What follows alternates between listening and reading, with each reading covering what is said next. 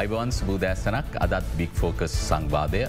අපි බොහෝ විට මේ දිනවල රටේ ආර්ථිකය ගැන අවධානය යොමු කරමින් සිටිනවා. මොකද රටක් විදියට මුහුණ පාන ප්‍රධානතම අර්බුදය අද වන විට ආර්ථික අර්බුදය බවට පත්ව ඇති නිසා.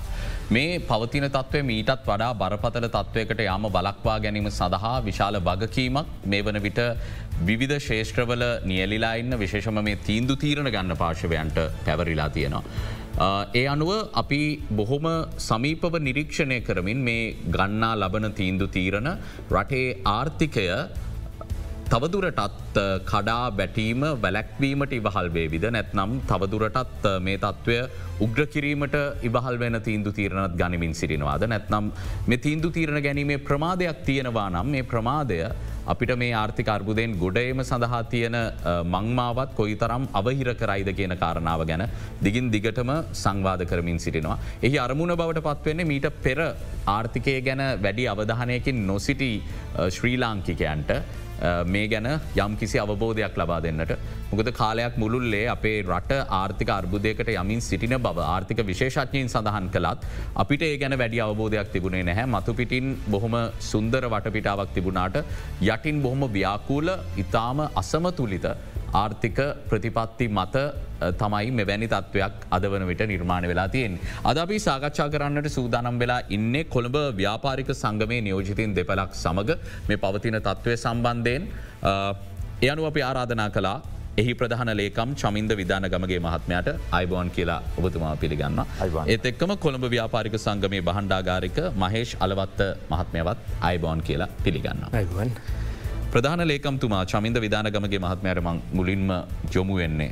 දැන් ආර්ථික අර්බුදයකට ලක්වෙලා එතනින් එලියට ඒම සඳහා ගඩු ලබන තීන්දු තීරණ සෑම විටම බොහොම සුමට තීන්දු තීරණ වෙන්නේ නැහැ. මොකද ඒ තීන්දු තීරණ නිසා දැනෙන පීඩාව පෙරටත් වඩාට පමණක් උග්‍රවෙන්න පුලන් සමහරලාට.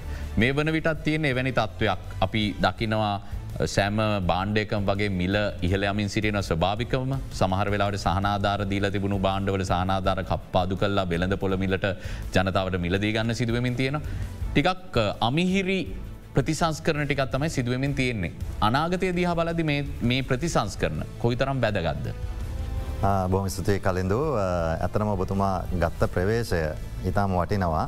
ඔබතුම සඳහන් කරා අපේ රටේ ජනතාව විදියට අපි ආර්ථිකය ගැන අපිට දැනුමත් වූන නෑ එය කියලා. ඇත්තට මේක ඇත්ත එකන දැන් අපි ගත්තොත් මීට කලින් මේ අපිට ඩොලර් අවශ්‍ය වෙනවද රට ඉඳන ගෙන්න්න කියලා ලංකාවේ සමස්තයක් ගත්තොත් ජනතාවට යම් ප්‍රතිසතයකට එහෙම දැනුමක් තිවුණ නෑ හැබැ දැන් අපි දන්න අපිට ඉන්දනාව නැත්තේ ඩොලර් නැති නිසා කියලා. ඉති එනිසා මේ ආර්ථිකය කියන දේ අපිට හැම කෙනාටම වැදගත් වෙන මාතෘකාවක් විශේෂයෙන් ගත්තොත් හැම කෙනෙක්ම එකත් එක්ක ඇලිලා ඉන්න කෙනෙක් ඇයි දන්න අපි ගෙදර ගත්තොත් අපේ ගෙදර ආර්ථිකයක් අපි මෙහේවනවා. ගැන ගෙදරට අවශ්‍ය මාසික අවශ්‍ය කෑමබීම ටික දරුවන්ගේ පොත්පත්තික එකන අධ්‍යාපන වියද මේ සියලුදේ ගෙදර ආර්ථික ඒක සුළුවට වෙන එතොට ව්‍යාපාරිකයක් ගත්තොත් ව්‍යාපාරිකයට ඒ ආර්ථික ප්‍රවේශ ඉට වැඩි පොඩ වැඩිවෙලා තියෙන. ඒකම තමයි රටේ ආර්ථික ජාතිකාර්ථිකය කියලා තියෙන ඒකම යම් ප්‍රමාණයක වැඩිවීමක් යන විදිිය. ඒ ආදායම සහ වියදම අතර තියෙන පරතරය.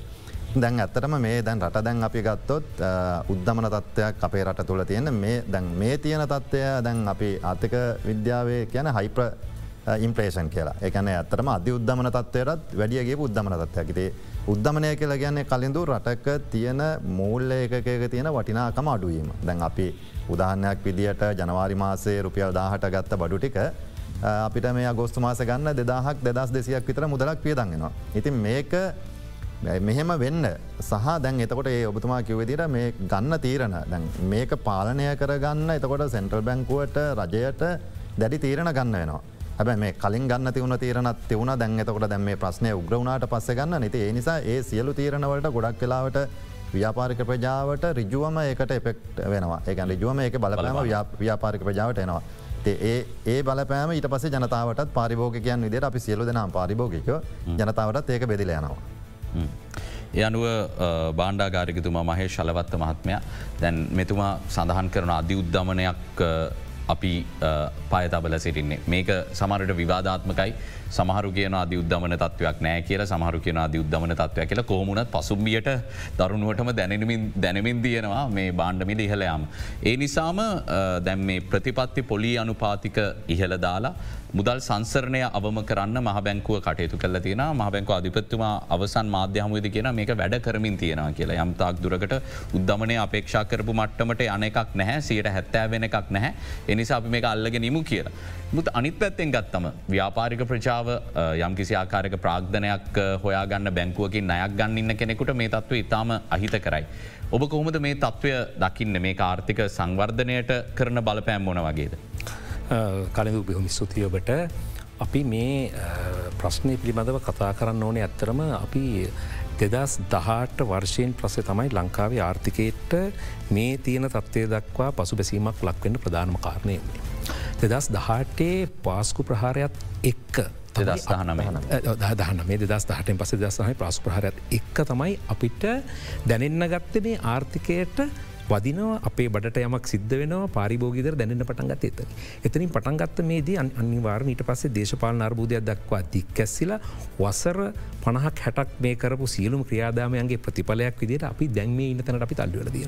හැබැයි මම විශේෂ දෙයක් කියන්න ඕන කලින්ඳ මොකද අපි අප්‍රේල් මාසයෙන් පස්සේ පහුගිය. අපි දැවන්ත අර්බූද ගණනාවකට මුහුණ දුන්න එකක් තමයි මේ ගෑස් අර්බූදය. ඊට පස්සේ ඉන්ද නර්බූදය. ති ඉළඟට විදුලි කප්පාද මෙන මේ කාරණා එක්ක අපිට ආර්ථික වශයෙන් මිල බාණ්ඩවල මිලි ඉහලයෑම ඒ මොන කතන්දර සිද්ධ වනත් අපිට ආර්ථිකය යම්මට්ටමකින් හරි ගොඩනගන්න තිබිච්ච තත්ත්වයන් එකින්න එක එකින්න එක එකින්න එක ගිලිහිලා ගිය. හැබැයි මේ තත්ත්වය ඇතුළේ අපි දකින්න ඕනේ අර කළු වලාවක් ඇතුළි රිදිරේකාවක් තියෙන වගේ යම් කිසි සුභවාදී තත්ත්වයක් දැන් මේ මොහොත වෙනකොට ගොඩනැගමින් පවතිනවා. මම කියන්න නෑ සියල්ලම සර්ව සම්පූර්ණ වෙලා සොකිත මුද තත්වයක් උදා වෙලා තියෙන කියල නමුත් අපි මිනිසුගේ මානසික මටම ලොකු ගැටලු කාරිතත්වකන තිබ කලින්. ව්‍යාපාර කරන්න ආර්ථික වශයෙන් රටට ආදායමක් ලබා දෙන්න මේ කිසි දෙයක් කරන මිනිසුට මානස්ක මට්ටමත් තිබෙන පොලිම්බලම හිට. පොලිම්බලම හිටීම මේක කියන්න උත්සාහකරතකොට අගෝස්තු පලවෙන්දා ඇතරම මේ කිව්වාර් ක්‍රමවේදාවට පස්සේ රට ඉන්දන පෝලින්ටික ටිකටික නැති වෙලාදිය මේකත් එක් මිනිසුන්ට යම් ගැටලු අර්බූද ගරනාවක් තියන හැබයි මිනිසුගේ මනස සංසුන් වෙලාද අපිට පාර්ටගයන් පස අපිට පේනකොද ඔබගේ ප්‍රෘතිනාරිකාවතුළ සියලුම මාධ්‍යවල ප්‍රධාන ප්‍රෘති බවට පරිවර්තන තිබ මේ පෝලිින්. අපිට වෙන දෙයක් ගැන කතා කරන්න තිබෙන කො ගෑස් පෝලිම එමනත්තන් ඉදන පෝලිම මෙ මේ අර්බූ දෙකින්න ගෙකින්න එක ලිහිල යනකොට මංහිතන්නේ අපිට දැන් අරොබකිව් වගේ උද්ධමනය අධි උද්ධමන තත්වයක් කර ඇවිල්ල තියෙන මොහොතක අපිට දැන් මශ්වල තියෙන්නේ රජයෙන් ලැබෙන ඒ සහයෝගයක් එක්ක පුද්ගලිකන් සිවිදි අපිට ලොකු කැපකිරීම් ගණනාවක් කරන්න. මේ කැපකිරීම් ටික කලොත් පමණයි අපිට මෙතින හට යන්න පුළුවන්. රට විදේශ විනිම අපිට අරගෙන ක්‍රමවේදයන් තියනවා. අපනන ශේෂත්‍රීලඟට අපේ විදේශයෙන් අපිට ලැබෙන ආයෝජන ඒරන පස ශ්‍රමිකයගෙන් ලැබෙන. මේ මෙන්න මේ ත්‍රිත්වයන් එකට සම්බන්ධි කරණය කල්ලා ඉහලට යන්න අවශ්‍ය කරන ම පෙද අපි විර කරගන්නව කාලය විල තිය ඒකට මහිතන්නේ ම බැංකු අධිපත්තුමා දෙන මේ අපට මේ අප අපිතර විචතයක් නවනි කලු මේ එක ලෝකේ ඇතිවෙච්ච තත්වයක් අපි ගත්තොත් ලංකාවිතරක්ෙනකට තනකට ලංකාවිත මේ ප්‍රශ්නමුත් මේ උද්දමන තත්ව අද ගත්තොත් එංගලන්තේ ගත්තත් ඉන්දියාවගත් කොහෙකතත් මේ තත්ව ඇතිල ැ අපි ඉන්න දුලි කප්පාදු කිරීම ගැන කතා කරන කතා කනද නිසා අපි මේ සියල්ල අපි පොදුවේ අරගෙන අපිට මෙතන හිලට යන්න කොහමතින ක්‍රම අපි කතා කරන්න හොඳයි. චමින්ද විධානගමගේ මහත්ම දැන් එතුමා කියන වගේ අපි මෙතනින් ඉදිරියට කොහොමද මේ අපපු අර්බුදය අවස්ථාවක් බවට පත්කරගන්න ඕන කියන එක ගැන අපි කතා කරන්න ඕනි.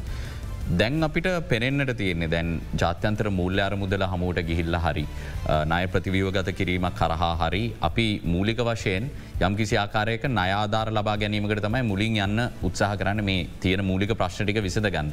නමුත් එතනින් එහාට බිලියන පහලවකට අසන්න වෙන අපේ අපනයන ආදායම කොහොමද අපි කලාපේ අනිත් රටවල් වල මට්ටමට ගෙනියන්නේ කියන දීර්ඝකාලින සැලසුම් ගැන අපි කතා කරන්න ඕනේ. ඔබ දකිනවද වර්තමාන වගකීම් පැවරි ඇති පාර්ශවයන්. අපේ අපනයන ආදායම දියුණු කරන්න වැඩි දියුණු කරන්න ප්‍රමාණවත් මට්ටමක සාකච්ඡාවක ප්‍රතිසංස් කරන මාවතක ඉන්නවා කියලා. ඇත්තරම කලින්දුව ඒකට රිජුවම උත්තර දුන්නොත් ඇත්තරම හෙම පේන්න නෑ. එහෙම අපිට සැලසුමක් හෝ වැඩ පිළිවෙලක් සම්බන්ධයෙන් තාමත් අපිට පේන්න නෑ. පැහැදිලොම කියනවනං අපි එකන දැම් මේ තියෙන ආර්ථික අර්බුද්ධයට ඇදැන් ඇතිවීමට එකන ආර්ථික අර්බුදය ඇතිවෙන්න වූ හේතු ගැන අපි සියලු දෙනා දන්නවා. අපි ඒක මුණ දිල තින මෙහම වුණා මෙහම වැරදින හැබයි ද මෙතනින් හට දැවබතුමා සඳහන් කරා වගේ අපනයන ශේෂත්‍රය අපනයනයන් කරන්න ගියාම ලංකාව තුළ නිස්පාදන වියදම දැන් වැඩි වෙලා තියෙන එකන දැම් මේ තියෙන ඉන්දන මිල මේ තියෙන ඉම්ප්‍රේෂණයක් තුළ ඉන්ප්‍රේෂණ එකක් තියෙන රටක යම් නිස්පාදනයකට යන්න ගයා නිස්පාදනය පිරිවෑ වැඩියන වැඩියන එතකොට ඒක අඩු කරගන්න නම් පලවෙනිම දේ අපිට කරන්න පැත්තෙන් එතට ගෝලිය වෙනද පොලක තරග කරන්තියන අවස්ථාව අඩුවෙන තරග කරන්තියන අවස්ථාව අඩුවෙන එතකොට ඒකෙදි පලවෙනිම දේ අපි කරන්න ඕන අපේ තියෙන දැම් අපේ මුදලට තියෙන වටිනාකම අඩුවීම තමයි මෙහේතු අපි මුදල අපේ මුදල් ඒකගේ වටනාග වැඩි කරගන්න එහමන දැන් අපිට විද සංචිත ප්‍රමාණය අඩුවෙලා තියෙන අපි අඳුනාගන්න ඕන රටට විදෙස් මුදල් එන ප්‍රධාන මාර්ගටික ඇතනම් ප්‍රධාන හමාර්ග හතරත් තියෙනවා. එකත්තමයි සංචාරක ශේෂත්‍රය තුළින් රටට එන විදේශ විනිමය අනිත් එක තමයි අපේ විදෙස්ටමි අපේ ශ්‍රී ලාංකිකයන් එහ විදේශන්නල වැඩ කල්ල ඔවුන්න වන පේෂණ සහ අනිත් එක තමයි රටරෙන ආයෝජකයෝ. සානිත්දේ තමයි අපේ අපනයන ක්‍රියාවලි මේ හතර තමයි රිජුවම රටේට ආර්ථික මේ අපට විදේශ විනිමය යන ප්‍රධානම ක්‍රම හතර. තොන මේ හතර තුළ කලින්දු අපිට ලේසියන්ම කරන්න පුළුවන්දේ දැන් අපි අපනයන කියනක ගත්තොත්තේ මේකට මොක මුදව පිටරටින් ගන්න ගයා මේකටත් මුදල් අවශ්‍යයනවා එතට ඒකෙද අපිට පලවෙනියෙන්ම අපිට කරන්න පුළුවන්සා ලේසියෙන් කරන්න පුළුවන්දේ දෙක අපිට අඳුරගන්න පුළ ඒක පලවෙනිියක ගත්තොත් දැනට ගත්තොත් මේ වර්සය තුළ මේ මාස අට ඇතුළ තුළ ලක්ෂ දෙකට ආසන්න ප්‍රමාණය ශ්‍රී ලාංකිකයන් විදෙස් ගත වෙලා තියෙනවා. දැ මේ යන හැම කෙනෙක්ම පලවෙනි මාසේ නැතිවුණට දෙවනි මාසේ ඔුන්ගේ වැටුප ගෙදරට වනවා මොකද ගෙවල්ල අම්මත අත්ත දරුවන්ට අවශ්‍ය වෙන ආහාර ගන්න ඔවුන් අනිවාරය ඔුන්ගේ වැටුපේ වනවා. එහෙම එව්වොත් මාසකට කලින්ඳ මේක සෙන්ට්‍රල් බැංකුව දන්නවා. මාසකට මිලියන නමසියක් මේ රට එන්න ඕන ඩොල මිලියන නමසිය. නමුත් ප්‍රශ්න වෙලා තියෙන ඔවුන් නිලමාර්ගවලින් නැතුව නොනිල මාර්ගවලට යමු වෙනවා කිය නොනිල මාර්ග දැන් දැන් ගිය මාසයකත්තොත්තේම මිලියන දෙසිය හතලිස් හතයි නීතියනුකුලෝ රට ඇවිලතින් මේක තියෙන ප්‍රශ්නය කලින්ඳ ඇතරම දැන් අපි කියනවා නීතියානුකූල එවන්න කියලා. සමහර වෙලාවට නීතියානුකූල එවන ක්‍රමවේදය විදෙස්ගත වෙන විදෙස්්‍රමිකයා දන්නේ නෑ. දැන් ඒ දැන් ඔවුන් සමහරලාවට දැන් එංගලන්තය ගත්තොත්තේම එංගලන්තේ දැන් අපි ගොඩාක් දන්න ඉන්න ඒ ලංකාව කඩයක් තියන ලංකාව කඩයට තමයි මුදල් ගිල්ලදන්න ඊට පස්සේ ඔහු මොන විදිට මෙහට වෙනව දන්න ඔ මහට කෝල් කල කවුන්ටට සල්ලිදාන තොන මේක දැන් ඒක උන්ඩියල් ක්‍රමයට උන් ලංකාවට සල්ලියවන්න පුළුවන්. උන්ඩියල් ක්‍රමට එක ගනුදෙන වෙන්න පුළුවන්. හැබැ නීතියනුකුල ක්‍රමවේදය දන්නේ එහෙමන දැන් සෙන්ට්‍ර බැංකොට වගකීමත් තියෙනවා අපි ඒදවසල අපි අර ඇල්බටන්කල් ගැඩ්ඩකත් වුණ අපිට මතක දැන් අවරුද්ධයකට විතර කලින්. ඒවගේ සෙන්ට්‍රල් බැංකුව මේ වෙලාවේ රැකන රජයේ බැංකු සේෂ්ටය මේ වෙලාවේ ජනතාව දනුවත් කරන්න ඕන. මෙන්න මේ නීතියනුකුල ක්‍රමවේ දහර රට මුදල්ල වන්න කියලා. සහ ඔවුන් අපි දිරිගන්නන්න එන්නේ විධානකමගේ මත්මයක් තියෙන දැනුවත්වීමේ අඩුව විතරද නැත්නම් බ්ලක් මාකට ප්‍රමියම් එක වැඩිවීම ඒක තියන දැත් ඇතම ගත්ත රුපියල් මං එතැටම එන්නද කලඳ දැන් රුපියල් විස්සක රුපියල් දහයක විස්සක අතර වෙනසක් තමයි ඩොලරකර දැනට තියෙන්නේ බ්ලක් මාගට්ටේ හැබැයි ඇයි අපිට ඒ රුපියල් විස්ස බ්ලක්මාගට් එකෙන් ඒ විස්ස දෙන ප්‍රමාණයට වැඩි අපිට පුළුවන් ඒකට ඩොලර් ඒකට රුපියල් හැටක දෙන ප්‍රියවලේජ් එකක් හදන්න මෙයාට? ද අපි විදෙස් විදේශ කටයුතු අමාත්‍ය මනුසනානයක් කරමැතුමන්න අපි සාකච්ඡා කර. අපි කොළඹ ව්‍යාපාරික සංගම විදිට අපිත් එක් තියෙන ව්‍යාපාරික ආයතන. ව්‍යාපාරික ජාල සියලුම ප්‍රධාන ව්‍යාපාරික ආයතන තින අපිත් පන්සි විස්සක්. මේ පන්සිය විස්සේ මවුන් එකන උන්ට සුපමාකට්වලද බේතේත් ගන්නල ප්‍රයිට හොස්පිටල් ටික ළමයිගේ ටෙක්ස්ටයිල් ස්ටේෂනට මේ හම එකකින්ම අපි යාලට දෙනවා ඩිස්කවන්ට පිවලේජ්ජාදන මේ අපි ව්‍යාපාරිකන්නද අපි කැපවීමක් කරන්න කැමති ඔවුන් නීතියානුකූලව බැංකුවරහා ඔවුන් එව්වාම ඔන්ට මේ පිවලේජ්ක හම කඩේකට මේ ගහිල ගන්න පුළුවන් දිට අපි ඒකට ක්‍රමයක් කදල ඔන්ට බැංකුවත් එක කතා කල බැංකුවෙන් ඩෙබිට ඩම ට දෙන එක අඩ්ඩ කරම් ඒකට අපිට දෙන්න පුළුවන් රජයේ දැන් අපි නගර සංවධන අධිකාරයත් එක කතා කර. නගර සංවධන අමත්‍යන්සේ ලේකන්තුමා කෝයා සියට දහයක් දෙන ඩිස්කවන්් එක කොළඹ නගරය තුළ තියෙන නිවාස යෝජනාවලින් ගන්නයට විදෙස් ගතට දැන් කෙනෙක් විදේශගත වෙන්න එක්කෝ ගයක් හදාගන්න. එහමනත්තන් දරුවට ගන්න ඔයි ඔයි ප්‍රධාන අවශ්‍යතාවයන් නොවනේ වෙන්නේ. ඉති ඔවුන්ට නිවසක් ගන්න ඒවගේ ඩිස්කවන්ටයක් දෙන්න පුළුව ළමය පාසලට දානකොට ළමයට එකට පොයින්ටයක් දෙන්න පුළුව මේ දේවල් ඇතරම ගැන්වීම් කරන්න ඒතකොට අර බ්ලක්්මාකට්ගේ තියෙන රුපියල් දහයට විස්සර වැඩිය ඒකොල බැංකුවරහයෝන කස්ටම් එකෙන් කස්ටම් එක හිටපු ඩජ එක අපි තිවන මීටින්න එක. ය බාන්්ඩ එකසිය විසිටක ලිස්ටයක් දුන්න. යාලට ඒවට ඩොල ප්‍රමාණයනුව ඒගල යාලක එලවන්සක වැඩි කරල දෙන්න. දැන් ඩොල පන්දාහකවෝ එයාට එලවන්සක ති නෙදදා දෙසිය නම් අපි ඩොල දහදාහකවොත්ම යට එදදා සටසිය කලවන්සක් දෙන්න දැන් විද්‍යුත් මෝට රත ආනයනය කරන්න අවස්ථාව දෙනවා කියන තීරණයට ඇවිල්ල තියෙනවා. මාසාහයක් අකණ්ඩව නිල ක්‍රමයට මුදල් එව්වොත්. ඔබතුමාටත් එකතු කරන්න යමක් තියෙනද මේ ප්‍රේෂණ සම්බන්ධයෙන් තියෙන කාරණයට. නෑ ඇතරම පේතැන් අපි කතා කරේ සමහර අපි දන්න අපිම දන්න හිතවත්තා ඉන්නවා මුදල් ලංකාවට එවන හැබැරේකු වගේ රජයෙන් මොනහරි සඳහ ප්‍රතිලාබ ලැබෙනවන අර නොනිල ක්‍රියාමාර්ගවලින් Uh, එනකන් වාර නතර වෙනකක්ත උදාහන විදිරගත්තු දැන් අර uh, මුදල් එවනකොට ඒ සඳහා එක් වාහන බලපත්‍රයක් ඒවගේ බුතුවයි කීපුවගේ දෙව ඒ වචනක රිතරක් සීමාවෙන්න නැතුව ක්‍රියා කරවන මටමට ගේනවනතව මහිතනක ප්‍රයෝගිකව මේ අපිට uh, සත්‍යබහට පරිවර්තනය කරන්න පුළුවන්. මහබැංකු අධිපතිවරයා දැඩිස්ථාවරයක ඉන්නවා. ඔහුගේ මතය ඔහු කියන්නේ යම් කෙනෙක්කීට එහා ගිල්ල තීරණයක් ගන්නවට එකට අවහිරවෙන්න අදහසක් නෑ. නමුත් ඔහුගේ මතය බවට පත්වෙලා තියෙන්නේ. පිටරට වැඩ කළ තමන්ගේ නිවසට මුදල් එවන කෙනාට රටේ සෙසු ජනතාවගේ බදු මුදලින් බදු සහන ලබාදිය යුතු නෑ කියල ඒ- ඒක කලින්ඳ ඇත්ත මේ මහබංගොද පත්තුමාකව එකන රටට රජයට එන බදු මුදල් වලින් ඔවුන්ට ලබා දෙන්න එකඟ නෑ කියලා. අපි බදු මුදල් වලින් ඉල්ලන්න ඔවුන්ට.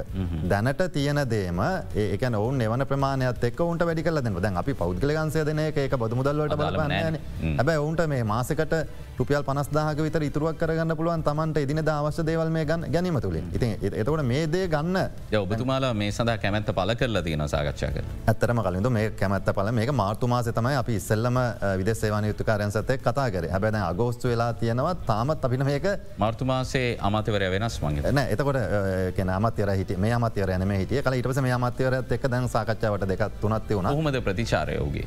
දැන් අපි බලාපොරොත්තු වෙන එතුමන්ටත් ඕන මේක ඉතාක්මනින් ඉදිරිපත් කරන්න සහ මේ ප්‍රතිලාබය රටට ලබා දෙන්න. බලාපොරොත්තු වෙනවා ලබනමාසේ මුල් සතිය වෙනකොට එත රබිමන් මේ කාට්පත අපේ විදෙස්්‍රමිකයන්ට හඳුන්වල දෙන්න. බැංකුත් එක දැන් සියල්ල සම්පූර්ණයි.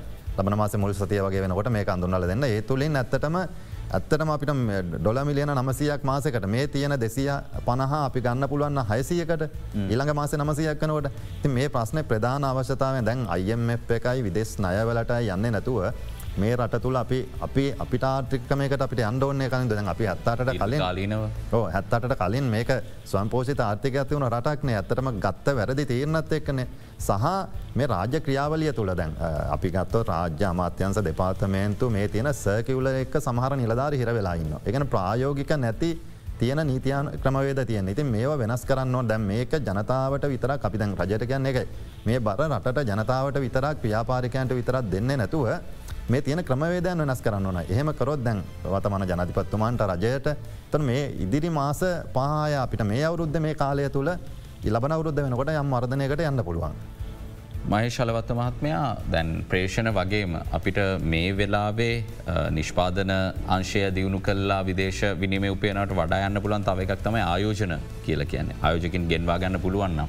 නමුත් හැමදාම අපේ රටේ තියෙන ප්‍රශ්නය තමයි ආයෝචකයන්ට අහිතකර පරිසරයක් තමයි ලංකව තුළ තියන අවසර ගන්න ගියට පස්සේ අපහසුයි ඉඩමක් ගන්න ගියට පස්සේ අපහසුයි ඊට පස්සේ ඔවුන්ගේ නායෝජනය සම්බන්ධයෙන් සිවිල් සංවිධාන ෘතිය සමති ජනතාව තුළ තින ආකල්පෙක්ක අපහසුයි. මේ වෙලා අපි කොහොමද ආයෝජකන්ට සුදුසු පරිසරයක් හැකික්මනි නිර්මාණය කල්ලා. ඒ පැත්තෙන් විදේශ විනිමේ ගන්න යොමුුවෙන. කලින්දු මම දකින එක දෙයක් තමයි රජයේ ගොඩක් ප්‍රතිපත්ති තියෙන ආයෝකින් ලංකාවට ගෙන්න්නා ගැනීමේ ක්‍රමවේදයන් සරල කරන්න නමුත් සමහරලාට අපි මේ වසර ගණනාවත් තිස දකත නිලධාරීන්ගේ තියෙන ගැටලු. අමාත්‍යන්සවල ආයතනවලින් ප්‍රධාන නිලධාරින් සමහරලාට මේ දෙන ඉහලින් ලැබෙන නියෝග එමනත්තන් චක්‍රලේකනවල තින පද සමහට ඒව ඇතුළම හිරවෙලා. ඒවයි යන්න පුළුවන් තැන්වලට යන්නතු එකක් ඇතුළම කොටුවෙල ඉඳගෙන මේවා ඇතුළ එලිය බලන්න වන්න තත්වයක් උද්ගතවල මේවත්තක බෝලාට අපිට අපහසු වෙලා තියනවා. අපේ රටට ගන්න තියන ආයෝජන නිසියාකාරයෙන් ක්‍රමවත්ව ලබාදැන් උදාහරන විදම මේ ඔබතු මහ ප්‍රශ්නට පරිබාහිර කතාවක් ම කියන්න උසාග දැන් අපි දකිනවා අපේ සංචාර්ක ශ්‍රේෂත්‍රයේ නිල්නයට වරතවාහන සඳහා ගන්න ලබාදීපු මේ ණය. ඒවාට සහන කාලයක් ලබාදුන්න නැවත ගෙවන්න. මේක මහ බැංකෙන් දීල දීල තින මේකට බැංකොල්ට දීල තින අනිවාරය මේ සඳහ සහන කාලයක් ලබාදන නමුත් අපි ඒ පේදනකට දකින ඒ කිය සහන කාලයට ලැබිලන කොතනද මේ වැරද දීවන මේ වගේ ප්‍රශ්නත් එක් ගොඩක් හිරවෙන්න ලාතින නිලධාරගේ තින ගැටලුත් එක මහිත ඒකට රජේ මීට වඩා අවධානයක් යොමු කල්ලා මේ සඳහා ක්‍රියාමාර්ග ගන්නව කෙනෙක අප අදහස. ඔබතුමාටත් ඒ ප්‍රශ්මයනවනම් ආයෝජකීන් ගෙන්වා ගන්න. මුකද දැ මේ වෙලාවේ රට රටේ ආර්ථිකය ඉතාම අපහසු තත්වයක තිබුණත් අනි පැත්තෙන් අපේ විනිමය අනුපාතය ඇතුළු කාරණාවල ඇතිවෙච වෙනස්කම් නිසා. අපේ රටෙන් විදෙසායෝජකෙක්ට ඇවිල්ල කර්මාන්ද ශාලාවක් දාලා ශ්‍රමය ගනිද්දි උන්ට යම්කිසි ආකාරයක අඩු මුදලට ශ්‍රමය ගන්න අවස්ථාවක් නිර්මාණය වෙලා තියෙන. මේ වගේ අවස්ථාවන් අපි උපයෝගී කරගන්න හිතමින් ඉන්නවා කියල පේනවාද. ඇතරම කලින්ඳ ආයෝජකයෙක් ඇතරම රට එනකොට ඒ ආයෝජකෙක් බදන් අපි වෙන රටක ව්‍යාපාරයක් කරන්න යනම් ඒ රටේ අපි බලනවා ඒ රටේ දේශපාල ස්ථාවර භාවය කොමද ආර්ථික ස්ථාවර ආර්ථික වැඩ පිළිවෙල කොමද කියලා අපි දක් දූෂණය වංචාව ගැනත් බල පැහැදිලිවම. අපි දක්කා ජනතිපත්තුමාගේ කතාවද පල්ලිමෙන්තුවේ රාජසන කතාව දෙතුමා ප්‍රකාශ කර ඉදිරි අවුරුදු විසි පහට ආතික සලසුමක් ඉදිරිපත් කන්නවා කියලා. දැන් ආයෝජකයෝ කියනදේ දැන් අපි රේටින් ගත්තොත්තෙම දැන් ඇත්තරම අපි ඉන්න එකසිය තිස් පහ හතලිය වගේ රට ආයෝජන කරන සුදුසු තත්වය ති අපි ඒක මෙහට ගෙන නොන ගේන්න මේ රටේ තියෙන මේ දූෂණ වංචා ඒ සම්බන්ධයෙන් තියෙන පොලිසිස් අපි වෙනස් කරන්න ඕන. සහ ආර්ථික පොලිසියක එකන එකොමිකල් පොලිසියක 25යස්වලට අපිට මේක දාන්න පුළුවන්නම් තොට ආයෝජකය දන්නවා මේක ආණ්ඩුවක්කාවාම මේක වෙනස් වෙන්න වෙනස් ප්‍රතිපත්තිය නොවෙනස් ප්‍රතිපත්තියක්. දැන් අපේ රටේ තියෙන්නේ අවුරදු පහෙන් ආණ්ඩුව මාරුණො තේරට අපේ ව්‍යවස්ථාවත් වෙනස් වෙනවා. ඉතින් මේ මෙහෙම අර අස්ථාවරව තියෙන රටකට ප්‍රධාන ආයෝජක එන්නේ නෑ එකනේ. මේ රටේ දැන් අපිගත් ෝස්ට්‍රලියාවගේ රටකට ආයෝජක යන දැම් දැන් අපිකන් රටවල් බලන්න කලින්ඳ අප්‍රිකාව රටවල්වලට දැන් ආයෝජක කොච්චර ප්‍රමාණයක ගැන යුරෝප ආයෝජක ගොඩා ගිහිලතින අප්‍රිකාව. දැන් අප්‍රිකාව ගත්තු කුෂිකා සමහර සමගම් අප්‍රිකාව ආයෝජනය අපික දැන් ඉස්තර අපි අපිකන් රටවල් ඉතිෝපියාව අපි කිව කියපු ඒ රටවල් ගත්තොත්තේම අපි හිතන්නේ දරිද්‍රතාවයෙන් පෙන රටවල් දිර නම් කල තියෙන හැබැ අද මේ වෙනකොට ඔුන් ආතික දකුණවා දකුණු අප්‍රිකාව විතර කොහුගේ කුෂිකාර්මික නිස්පාදනවලින් තුළින් ආදායම අවුරුද්ධක තියෙන පයනම් බිලියන හතලිය පෝටි බිලියන්. අපේ අපේ නයම තියෙන බිලියන පනස් දෙකයි. ලෝකට ඉතින් ඒ නිසා ඔවුන්ගේ සම්පත් අඳුරගෙන ති දැන් ඔවුන් ඒ අර වැටිලා තිවිල දරිද්‍රතාවය තුළින් තමයි ඔවුන්ගේ සම්පට්ටික අඳුනගෙන රටේ මේ ආර්ථිකය නංවල තින්ද එහට ආයෝජකය යනවයිතකොට. අපි දැන් ඇත්තරම මේ අවස්ථාවක් අපි කැනර වැටුනාමන මිනිස්සු නැගෙටින් ඕන. ඒ නිසා මේ වෙලාවේ තමයි අපිට නැගටින්න තින මේ වෙලාවේ තමයි අප අපේ සම්පත් අඳුන ගන්න ඕන. මේ වෙලා අපේ වැරදිටික අපි හදාගන්න ඕන. මේ වෙලා තමයි අපේ වෙනස් කරන්න ඕන පොලිසිස් වෙනස් කරන්න ඕන්. ති මේක වෙනස් කරලා අපි මේ අවුරුද්ධක අපි සැලසුමක් හදාගෙන ඒ සැලසුමට අනුව ක්‍රියාත්මක් කරොත් මේ අපි කැන එක පෞද්ගලිකන්සේ රාජ්‍යන්සය මේ ජනතාව මේ සියලු දෙනා එකට එකතු කරපු වැඩ පිළිවෙලා. අපිට අනිවාරයෙන්ම මේක ජයගන්න පුළුවන් කලින්ඳ. මහිශලවතමත්මයා දැන් විශේෂම ජාත්‍යන්තර මුල්්‍යාර මුදලත් එක් කාරමණ්ඩල මට මේ එකඟතාවකට එන්න සාකච්ඡා කරන එහිදී මූලික වශයෙන් අවධානයමු වෙන්නේ මේ සාර්වාර්ථික ස්ථාවරත්වය සම්බන්ධයෙන් රට ඇතුළේ අභ්‍යන්තර ආර්ථිකය කොහොමද නය ගෙවන්න පුළුවන් තත්වයකට අපි සකස් කරගන්න කියල්. නමුත් ආයෝජන ප්‍රවර්ධනය එතනින් හට ගයාට පස අපනයනවල වටිනකම් වැඩි කරගන්න ගතයුතු ප්‍රතිසංස්කර ඇතුළු දේවල් ගැන IMF එක අපිට කියල් දෙන්න අපිම කළ යුතුයි. අපි කොහොමද ජනතාව විදිහට මේ වගේ අවස්ථාවක රජයගන්න ප්‍රතිපත්ති තීන්දු තීරණ සම්බන්ධයෙන් බලන්න ඕනෙමොකද ආකල්ප මේ ප්‍රශ්නයකුත් තියෙනවා ආයෝජන සම්බන්ධයෙන් මං ඒ ගැන විශේෂයෙන් විමසන්න බලාපොරොත්තුවෙන්නේ. පුද ආයෝජන එද්දිම අපි බොහෝවිට සෑම විපක්ෂයම්ම සෑම දේශපාල පක්ෂයම්ම ඊට එරෙහි ප්‍රතිපත්තිය හිටිය මේක ඒ වගේ රෙහිවෙන්න පුළුවන් වෙලාවක්ද. කිසිසේත්ම බැහැ කලින්ඳ මොකද ඇත්තරම ඔබ කියපු කතාව හරි අපි වසර ගණනාවක් දශක ගණනාවත් තිස්ස අප ඕක තමයි දැක්කේ රට ආයෝජකය කෙන්නෙනකොට අපි මෙහෙන් එක්ක ෘති සමතිවේවා හෙමනත්තම් වෙනත් ආයතනයෝ මෙ සියල්ල එකට එකතු වෙලා මේ එන ආයෝජනයේ ස්වරූපය පිළිබඳව කිසිම තැකීමක් කරන්න නැතුව එකට සම්පූර්ණයම එරෙහි වෙන ස්වරූපයක් මංහිතන්නේ මේ මොහොතේ විපක්ෂයේ දේශපාලන ක්‍රියාකාරීන් වේවා අනෙකුත් දේශපාලන ක්‍රියාකාරීන්ව මේ කිසි කෙනෙක් මේකට විරුද්ධ වෙන්නේ නැතුව. ගතයුතු සාධනීය වැඩ පිළිවලකට සියලු දෙනාම එක්කාසුනක අපි ගත්තොත් රටේ තින ආයතන පිළිබඳව ගත්වති මහජනතාවතර ලොකු කතිකාවතක් තියෙනවා. පාඩු ලබන ආයතන සම්බන්ධයෙන්. හැබැ මේවා ප්‍රතිහිව ගත කරන්න කොහොමද? මේ සම්බන්ධයෙන් ලොකු කතිකාවතක් රටේ නිර්මාණය මින්ති හැබැ මේට බොහොම රටට අවඩක් නොවෙන ආකාරයෙන්. රටට පලදායිතාවේ ලබාගත හැකි ආකාරයෙන් යමක් සිදුවීතුයි කියන තනින මහිතන මහජනතාවත් එතෙන්ට පෙළඹේ මට මේ අර පහුගේ වකවාන තිච සිවිල මිනිසුන්ගේ මේ අපි දැන් සාමාන්‍ය සමාධය මාරත අපට තේරන ඇවිට අපට තේරන මිනිසුන්ගේ මනස මිනිස්සු වෙනස් කරගෙන තියෙන එතෙන්ට කොහොමද යන්න කෙල අපි උදාහරන දෙක දැන් අපි තව දෙයක් ම එකතු ගන්නට මට ගැරිච්ච තනත් අපි මේ දැන් මේ ඉදිරියට එන සමය සංචාරක සමයක්. අපි ඒගැන කතා කර මෙතැන්ට තමයි මඟන්න බලාපොරත්තුවයන මොකද අපිට ඉතාම වැදගත් කර්මාන්තයක් ශේෂත්‍රයක් කෙටි විරාමයක් ලබා දෙන්න ඉක්මනින්ම හමුවෙන. යළිත් බික් ෆෝකස් සංවාදය. චමිද විධානගමගේ මහත්මයා දැන් සංචාරක කර්මාන්තය ගැන අපි කතා කරන්න ඕන මොකද අවසාන කාලසීමාව තුළ රටේ තිබ දේශපාලන අස්ථාවරත්වය එත්තක ආර්ථික ගැටලු විශේෂම ඉන්දන අර්බුදය ගෑස් අර්බුදය මේ නිසා සංචාරකන්ට එතරම් හිතකර වටපිටාවක් ලංකාව තිබුණ නෑ. නමුත් දැන් තත්ත්වය තරමක් ධනාත්මක පැත්තකට හැරමින් පවතිනවා. අපි කොහොමද මේ අවස්ථාව උපයෝගී කරගන්නේ මේ අවස්ථාව මගහැරගන්නේ නැතුව කටයුතු කරන්න. කලින්ඳු ඇතරම සංචාරක ශේෂත්‍රය ගත්තොත්තේම අපි ද මේ අවුරුද්ධ ගත්තොත් දැන් කොවිඩ් එකෙන් පස්සේ ජනවාරි මාසය ඉඳලා මාර්තු වෙනක හොඳ වර්ධනයක් තිවුණ එකන ජනවාරි මාසය මට මතක විදිට අසූ දෙදාහක් වගේ පෙබරවාරි මාසය වෙනකොට ඒ අනුදාහට වැඩි මාතු මාසේ එක් ලක්ෂ දෙදාහක් සංචාරක පැමිල්ල තිවුණ හැබ අප්‍රෙල් මාසේ දැන් ඔයි අරගල්ල ඒ තිවුණ ඒ වාතාවරණයත් එක්ක රටේ සංචාරකයන්ගේ විශාල අඩුවීමක් වුණ. ඒ වගේම ජාතියන්තරය තුළ කලින්ඳු ගත්තාම අපේ රටට තිවුණ අර කීර්තිනාමයට ඒක විශාල හානියකුත් ඒ තුළින් උනාය කැන මේ රට තුළට සංචර. ඒකත් එක්කම බලපෑව රට තුළ ඉන්දන නොමැතිවීම උන්ට ප්‍රවාහන ශේත්‍රයේ තියෙන ගැටලු සහ රටය අත්‍යව සේවාවන්ටික නැතිවුණාම ඔවුන් සංචාරකයන් රටකට පැමිණෙන්න. හැබැයි දැන් අපි ගත්තාම අපිට තියෙන හොඳම අවස්ථාව තමයි දැන් මේ රුසියානු යුක්‍රේන් යුද්ධයත් එක්ක යුරෝප ගත්තොත්තේම යුරෝප්පොලට ගෑස්වල ප්‍රධාන ප්‍රශ්නැවිල්ල තියෙනවා තෙල්ල ප්‍රශ්නැවිල්ල තියෙනවා එනජි සම්බන්ධයෙන් විශාල ගැටලුවත් තියෙනවා.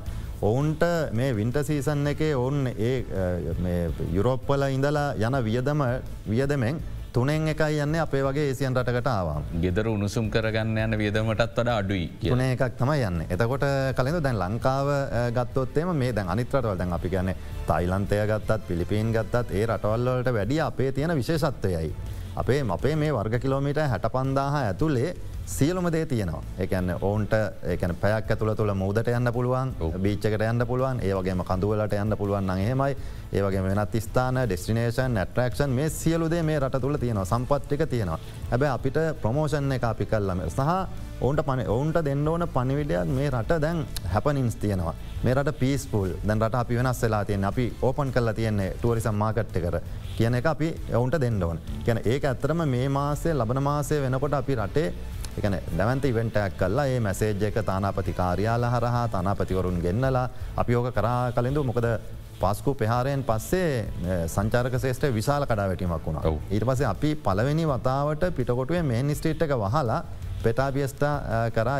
ඒ කාල වෙළ දමාත්‍යන්සයත් එක්ක. එතන්දි අපි තානාපතිවරුන් විසි අතර දෙනෙක්ට ආරාධන කර. ඒ ඒ හර ඇත්තටම අපිට ඕනුනේ ජාතියන්තරයට පනහටයක් දෙන්න මේරට පිස්පුල් කලා ති ඒවගේ දැන් අපි එතැන්ට පටන් ගන්න ඕන. ඒවගේම සංචාරක ශේෂත්‍රය කලින්ඳු දැන් සංචාරකයන් ගෙන්වා ගැනීම තුළම රටේ ආර්ථිකයට වෙන දායකත්වයට වැඩිය වැඩි දායකත්වයක් ගන්න අපි යොමු එන්නවා. විශේෂ ලෙස ගත්තොත් අපිට ට්‍රේට්ටුවසම් කෙනෙක දැන් ඇත් දැන් සංචාරකය එනවා උනවටුනට යනවා හික්කඩුව යනවා සීගරේ යනවා එකොල්ල කනව බොන හොටල්ල එක ඉන්න යනවන.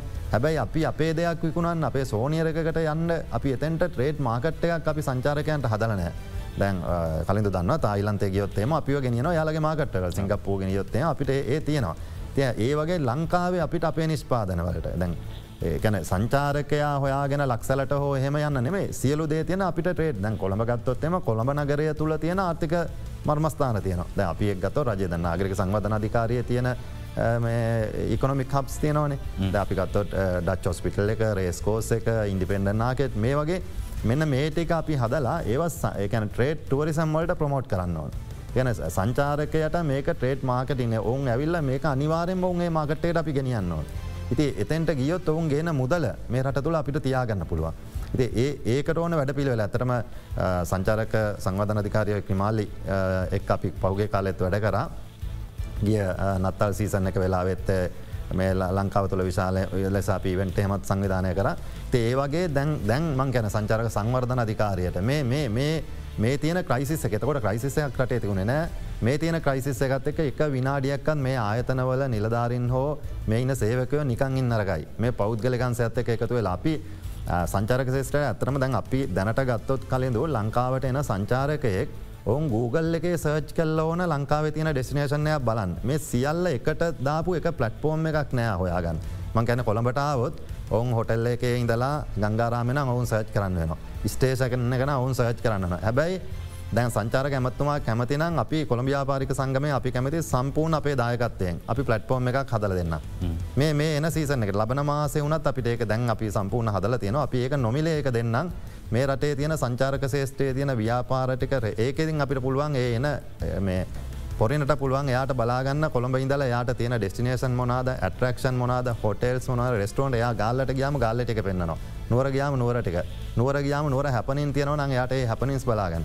නිසා ඒකට ඕන දායකත් එමන් ගැන අපි ව්‍යාපාරික සංගමයක් විදියට අපි අර සංගම් තියනවානේ කලඳු ලංකාවේ ෘතිය සංගම් තියන්නේ උද්ඝෝෂණය කරන්න ස්ට්‍රයික් කරන්න අයිතිවාසිකම් මිල්ලන්න ඇරෙන්න්න ඔවුන්ගෙන් වෙන්න ඕන ප්‍රඩක්ටිවිටියක ඔුන්ගෙන්නවා දායකත්වය අපි දැකලන හැබැ අපි හම වෙලේම අපි වෙලන් සංගමයක් දිට මොකද අපි අපේ දායකත්වය දීලා තින පහුගේ කොවිට් කාලය දැන්වයි පාස්කු පහරය වෙලාවේ. අපි මේ රටේ ආර්ථිකය කියලා කියන්න මේ අපේ හුස්ම.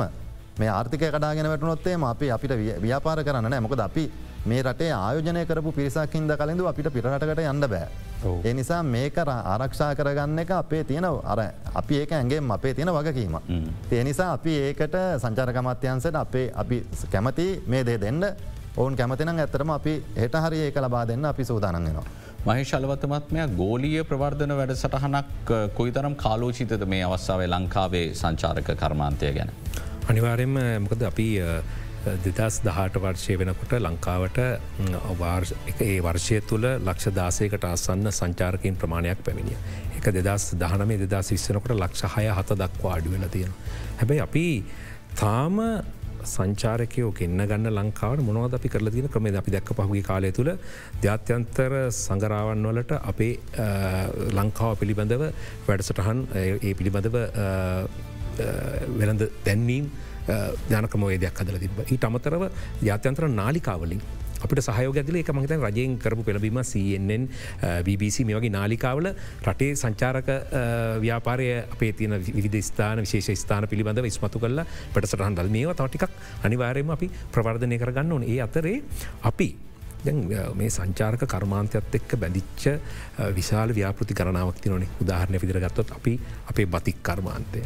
එතකොට පිත්තල ඒ කර්මාන්තිලට මැනික් කර්මාන්තය ඉළඟට විසිතුරු බාණ්ඩක් මේ මේ සියල්ලම ප්‍රවර්ධනය කරන්න අරකීපුක් ජාත්‍යන්තර සංකරාව සේමනතන්ද අපි දකද හොඳ හොඳ වැඩසං ගරනාවගේ ලංකාවේ. මේ YouTube වගේ ගෝලීය වේදිකාවන් තියෙනවන මේක බොහොම හොඳට උපයෝගී කරගන්න පුළුව කර ලංකාවේ වනජීවීන් පිළිබඳව විශේෂ වැඩසහන් කරනාවක් ජාන්තයන්තර නාලිකා කීපයක ගිය. මේ වගේ වැඩසහන් ඔස්සේම අපිට ආකර්ශණය කරගන්න පුළ අපි දැක්ක විශේෂයෙන්ම පහුගිය දළදා පෙරහ පෙරහැර. දළදා පෙරහැර භාෂා ගණනාවකින් ජාතන්තරට අරගෙන මේ ඇතුලි ලොක ආකර්ශණයක් දළදා පෙරහැර විතරක්න අපට තවත්තින පෙරහැරවල් ගණනාවක්. ලංකාවට ආවනික වෙච්ච ශෛලීන් ඒ වෙච්ච කලාව.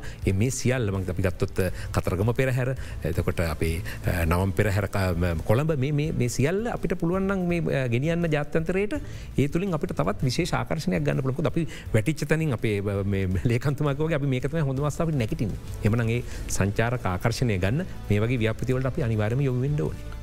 තානාපති කාර්යාල ගැන එතුමත් කතා කර හැම රටකම් වගේ ලංකාව නියෝජනය කරන තානාපති කාරයාල් තින සංචාරක කර්මාන්තය වගේ කර්මාන්තයක් ප්‍රවර්ධනය කරන්න. ඒ රටවලව රැඳී සිටින ශ්‍රී ලංකික තානාපති නියෝජිතීන්ට මොන වගේ වගකීමක්ද මේ වෙලා ඇති.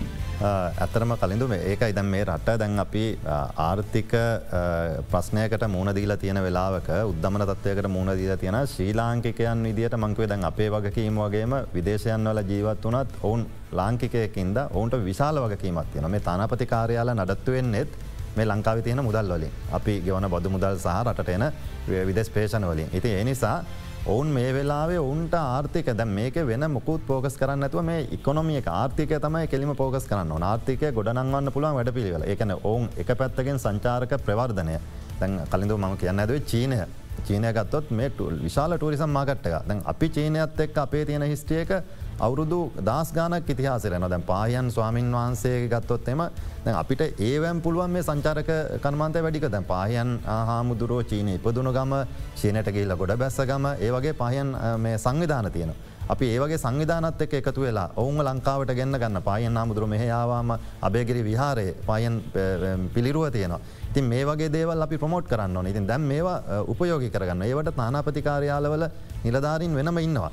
ඒවගේම දැන් තානාපතිකාරයාල ඉන්න කමර්ශල නිලධාරී.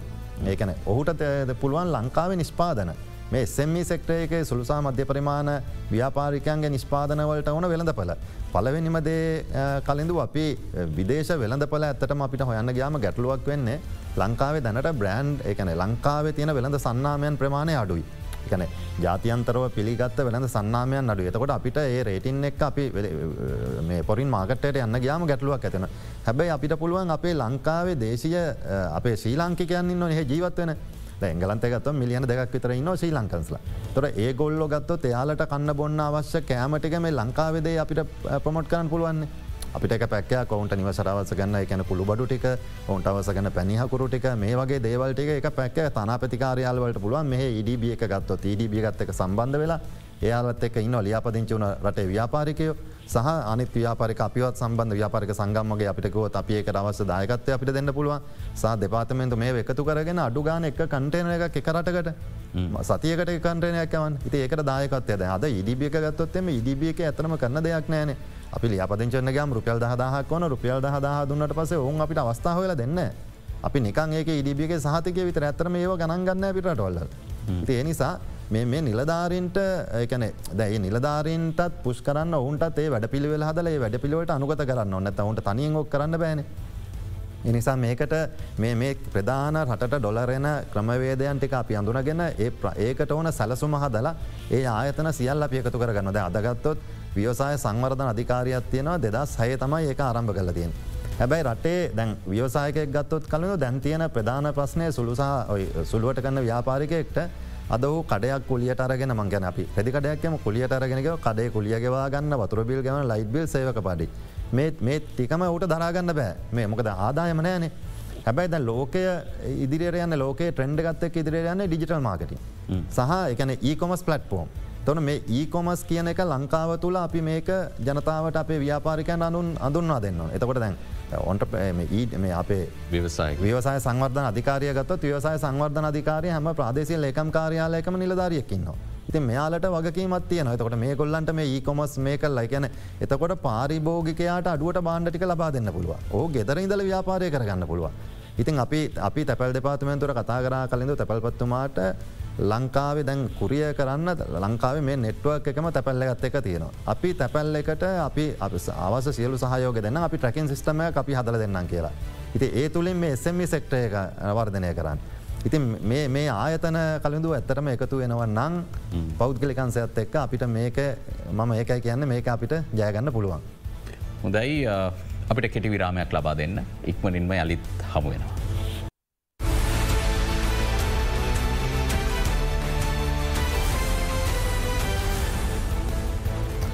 ජනතාවගේ ආර්ථික මට්ටම හා මේ පවතින ඩොල අර්බුදය ජයගැනීමේ ක්‍රමවේද ගැන අපි සාකච්ඡා කරමින් සිරින්නේ කොළඹ ව්‍යාපාරික සංගමය නියෝජිතන් සමඟ මහේ ශලවත්ත මහත්මයා මේ වන විට යෝජනා කරන ප්‍රතිසංස් කරන අතර රාජ්‍ය ව්‍යවසාය සම්බන්ධයෙන් විශාල කතිකාවතක් නිර්මාණය වෙලා තියෙනවා. ජනාධිපත්තුමත් බොහොම රිජු ප්‍රකාශයක් කරා දැන් දින දෙක තුනකට පමණ පෙර නිකං පඩි දෙන්න බැහැ තව දුරටත් ඒකින්ද කට්ටිය වැඩ කරන්න නැත්තන් ගෙදර යන්න ඕන කියලා.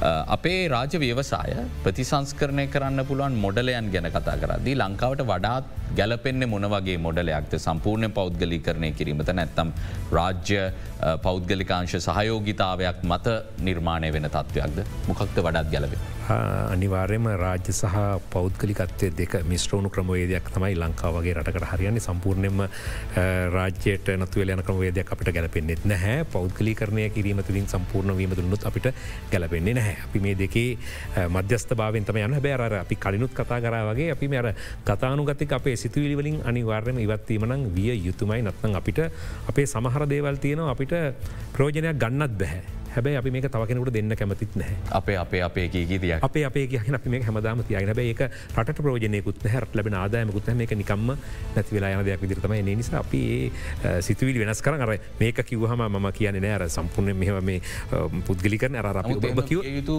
සමහර රාජ ව්‍යවසායන් සමහර දෙවල් තින එක මේ දෙකේ සම්මිශ්‍රණයක් එකතම අප ශ්‍රී ලංකන් ගුවන්සේ වගේ ගත්තත් මංගේතන් සමට රජයට කිසිම මැදිත්වීමක් කරගෙන යන්න බැරි තරම් බරක් බවට පත්වෙලා තියෙනවා. පකවානුවක් තිබ මේක පුද්ගලි කරන කරපු මොහද මේක බොහම රට ලාබදය විදිර මේ ව්‍යාපාරය කරගෙන යම නමුත් යම් යම් හේතුන්වත නැවතත් ඒක රජයට පවරාගැනීම පසු මේ කඩා වැටීම වෙලා මේ රජයට නිශ්ිත ප්‍රතිපත්තියක් නැතිකමේ ප්‍රතිවිපාක අවසානයේ කවදවත්තර කිනවගේ ගුවන්ඥානයක් දැකලවත් නැති ගුවන්ඥානක ගිහිල්ල ඇති කොටසකට මේක බර දරාගෙනයන්න සිදුවෙලා මේ අනිවාර්යෙන්ම පණහට පණහ ක්‍රමවේදයක් ඔස්සේ ඉදිරියට අයති කියනක තම අපේ අදහස. විධානගමගේ මහත්මයා බදු ප්‍රතිපත්තිය ගැනත් පොඩ්ඩක් කතා කරන්න ඕන අපි අවසාන භාගය ඉන්න මොකද සුභසාධනය ගැන අපි කතා කරදි ලංකාව කියන බොහොම ඉහලින් සුභසාධනය කරපු රටක් ඉතාම අඩු ප්‍රතිශතයක බදු එක් රැස් කරගෙන. ද ලෝකේ සුභසාධනය වෙන රටවල්වල උදාහරණ ගෙනහැර දක්වන බොහෝ අය මේ සුභසාධනය අඩු කරන්න ඕනි කියල කතා කරන්න. නමුත් ඒ රටවල්වල බදු ප්‍රතිශතය ගැන කතා කරන්නෙම නෑ. අපි කොහොමද මේ කළමනා කරණය ඇති කරගන්නේ ජනතාවත් එක්කත් සංවාධයක ඉඳලා. සුභසාධනයක් කරනවා නම් මේ සඳහා අවශ්‍ය මුදල ආණ්ඩුව රටෙන්ම උපයාගන්න ඕනේ මේ සමතුලිත භාවය අපි කොහොමද මේ වෙලා ඇති කරගන්න. කලින්ඳ මං ඇතරම ඕක බදු සම්බන්ධයෙන් පෞගෙදවසල අපි මාධ්‍ය සාකච්ඡාවද කතා කරා. මම ඒ විවචනට ලක්ුණ මම කිව්වේ ලංකාව හැම පුරවැසියෙක්ටම බොදු පයිල්ල කැරෙන්ඩ ඕන කිය. ඒක දැන් පෞද්ගලික මගේ මතය මොකද දැන් ව්‍යාපාරිකයොත් යම් ප්‍රමාණයක් විතරක් බදු ගෙවන මේ අපේ රටේ තියන්නේ රිජුබදුවලට වැඩිය වක්‍රබදු තමයි රජයට ආදායම. එතකොට වක්‍රබදුවලට යන්න නැතුව රිජුබදු කියන දෙදන් විදෙස් පිටරටවල්ල තියෙන කෙලිම රිජුබදු තියෙන්නේ. රිජුබදු කන්න නං මේකද තියෙන අපි බදු ගෙවන් නැතිවෙන්න හේතුවත් තියෙනවා කලින්ඳු මේ බදු මුදල් ලංකාවේ වියදන් කිරීම සම්බන්ධය ඒක විනිවිධ භාවයක් නෑ. මේ බදු එකන වංචා වෙනවා. මිනිසු කියන්න ඒවා හොරකන් කන්නවා එහෙම කළෙති එතෙන්ට යන්න නැතු අන්නේ එකයි අර මංකව අර ආර්ථික ප්‍රතිපත්තියක් ආර්ථික දැක්මක් ඉදිරිපත් කන්නව නම් ඒකෙදී රජයට ලැබෙන බදු සංවර්ධන ක්‍රියාවලියට යොදවනය විනිවිධ භාවෙන් ජනතාවට දකින්න තියෙනවා. එතකොට අපි කවුරුවත් මං කැනේ කුඩාවට රැකියාවක් කන්න කෙනත් මේ රට බදු මුදල් ගන ද විදේශයන් වල ගියාම අපි සියලු දෙනා ජීවතන හැම කෙනම රට බදුගවන්න ඕන්න ඇති ඒවා ඒරට ඒ ගැන ඇතරම ඔබකිවගේ කතා කරන්න ඇති ලංකාවේ තියෙන ගැටලුව තමයි බදු ගෙවන්න යොමුුවෙන් නැත්තේ ඒ බදු මුදල් වලින් වෙන සංවර්ධන ක්‍රියාවලිය විනිවිධ භාවයක් නෑ බදු මුදල් වල වෙන මිනිසුන්ට තියෙන මැන්ටල්ටේක තමයි ඒක වෙන වංචා වැඩිය කැනයි දැන් හැබැ මේ වෙද්දි තියෙන තත්වේ මේ වෙද්දිරීම මංහිතන්න අප රටේ බොහෝ අවුරුදුවල තියෙන තත්වේ තම පුනරාවර්තන වේදම් ටිකවත් ආණ්ඩු ආදායමෙන් කරගන්න බැරිතත්ව ඇතින් නිසා මුදල් අච්චු ගහන උද්දමනය වැඩිවෙන ඒක හම යන්න චක්‍රය. ඒකන් ට්‍රේඩ් ඩෙපිසිට් එක අපේ හැම වෙලාම බැලන්ස් කලනෑ පෞගිය කාලය හම බජට්ටකේම ගත්තොත්තේම ආනයන අපනයන අතර පරතරය විශාල් ලෙස තියෙනවා. එතකට රාජදැන් රාජ්‍ය විවසායකත්වය පාඩු ලැබීම ජනතාවට බරක් වෙලා තියෙනවා. එකන අපි ඒ ආයතනවල පාඩුව සියලු ජනතාව මතයනවනේ ඉති එනිසා රාජ්‍ය ව්‍යවසායකත්වය කියෙන ඇතරම දැන් ඔයි ඔය දේවල් කලින් දැන් අපි වෙනස්වෙන් නැතියක තමයි මේ තියෙන රටේ තියෙන ප්‍රධාන ප්‍රශ්නය. ද භූමිතෙල් මිලත් වැඩි කර. අන්තිමටිකේ ඔය වෙනස්කම් කීපයක්ම කරන්න මිලවල. මුකද පාඩු ලබන තත්වය දිගටම යන්න බැහැ කියලා. දැන් මෙහි සීමාව කොතනද තියෙන්නේ? මොකද මම අලවත්ත මත්මයට යමුවෙන්න මේ සීමාව කොතන තියන්නේ කියලා? මොකද අනිත් පැත්තෙන් එතකොට බොහෝ දෙනෙක් අපිට මගතොට හම්බෙච ඇත්කිව තවටික් කාලෙකින් මාළු කැල්ලක් කන්නවත් වෙන එකක් නෑ කියල මේ විදියට මිල වැඩි වුණොත්. සහනාධාරවලට ආණ්ඩුව මැදිහත් වෙනවනම්. ඉලක්ක ගත පිරිසක් කඳුරගෙන හෝ ඊට මැදිහත්වීම සුදුසුද නැත්තම් සියලුම දෙනට මේ විදිර මිල වැඩි කිරීම සාධාරන. හොඳ ප්‍රශ්නයක් කලඳ වන්නේ වාර්යෙන්ම ඉලක්ක ගත පිරිසක් හඳුනාගෙන සහනාධාරවලට යොම යුතු ම කියන්න මොකද ඇතරම මේ භූමිතෙල් ප්‍රශ්නය ගත්ව රුපියල් ලස්සූ හතර දිච්ච භූමිතෙල් ලොකු ගානහි වැඩිවෙලතින් හැබැයි පහුගේ වකවානුව තුළ මේ භූමිතෙල්ටික පරිහරණය කරේ භූමිතෙල් ලැබිය යුත්තු ඒ ඒ දිලිඳු ජනතාව දීවර ජනතාව නෙවේ සමහරලාට ඉන්දන පිරුම් හල්ට භූමිතෙල්ට ගියාට පස්සේ මේක බොහලාට පුද්ගලික බස්වත් ප්‍රවාහණය කරන අය මේ භූමිතෙල්ටික ලබාගත්ත එතකොට මේ ඔස්සේ සිය රසුවක් අනුවක් අවභාවිතාවක් වුණේ භූමිතෙල්. හැබැයි දැන් මිල වැඩිවුණට පස්සේ මේ ප්‍රශ්නයට මංහිතන්න බස්වලට යොමින් අවස්ථාව කියල. දැන් අපි කරන්න ඕන අර හඳුනාගත් පිරිස්. දීවර ප්‍රජාව වතුකරඉන්න දිලිදු ජනතාව මේ අයට නිසි ක්‍රමවේදයක් ඔස්සේ සකස්කරගත් සහනාධාර ක්‍රමේදක අවට ගේයට සකස් කරගත්ත එකක් නෙවේ සහනිසි කෝටාවක් ලබාදීල කෝටාවක් ඔවුගෙනුත් බස්ටාතවට කියල මිලදී ගන්න පුළුව අනිවාරය ලබාදී යුතේසේ නැතිවුණත් පටමොද කනිතනික සස්ථාව පාඩල බගෙන මේ භූමිතෙල් ති බිච්ච ලොක පාඩුවත් එක් ඉති නිසා මහිත එතන් ඒක භූමිතෙල්විකුණන්න නැහැ ඒ බර සම්පූර්ම කනිත ලික සංස්ථාව මන යන ප්‍රශ්නයක් අයෝසියක පාඩු නැත්තන් ඇයි මේ හැමදම සිපෙට්කො එක පාඩු කියල? මේ වගේ ප්‍රශ් තියන ඒ ප්‍රශ් තිය මහිතන්න අනිවාර මෙතැට අපි අඇති අර අපි හඳුනාගත් පිරිස්සත අනිවාරය මේ සහනද ලබාදිය යුතුමයි සනතුනොත් යටලුවක් අනිවාරම වෙනවා. හොඳයි අද අපි සාකච්ඡා කළේ රටේ පවතින වර්තමාන ආර්ථික තත්ත්වය සම්බන්ධයෙන් වගේම ඉදිරියේදී අපි මේ කෙටිකාලීන ප්‍රශ්නය ගැන අවධානය යොමු කිරීමෙන් නොනැවති මේ අර්බුදය අවස්ථාවක් කරගෙන දීර්ඝකාලීනව නිවැරදි ප්‍රතිපත්ති මාවතකට කොහොමද එලබෙන්නේ කියන කාරණාව සම්බන්ධයෙන්.